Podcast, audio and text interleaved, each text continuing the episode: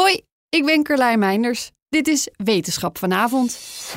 Al meer dan 40 jaar wordt oxytocine bestudeerd als een belangrijke neurotransmitter die in dieren en mensen een grote rol speelt bij sociaal gedrag en het aangaan van relaties. Er wordt zelfs hoopvol gekeken naar het behandelen van sociale stoornissen met deze stof. Maar nieuw onderzoek laat zien dat dit wellicht niet het juiste pad is.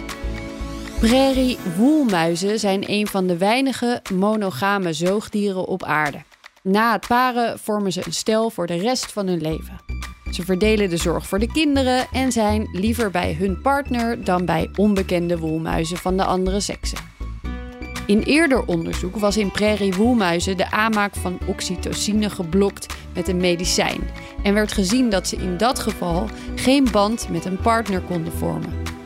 Stanford-onderzoekers wilden dit nog beter bestuderen en gebruikten CRISPR om genetisch de aanmaak van oxytocine tegen te gaan.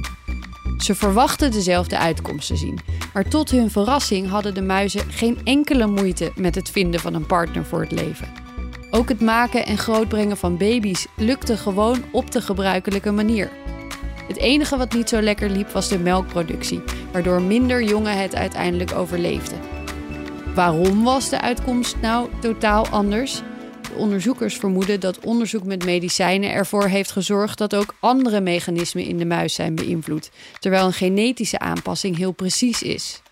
Wat betreft oxytocine in mensen en behandelingen die gebruik maken van dit mechanisme, denken de onderzoekers na deze experimenten dat we waarschijnlijk nog niet genoeg weten om het als heilige graal te zien.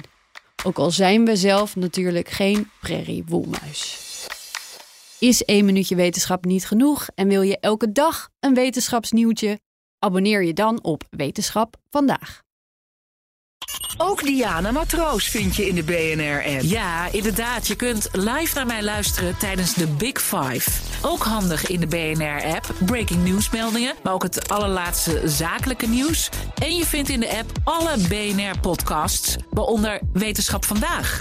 Download nu de gratis BNR-app en blijf scherp.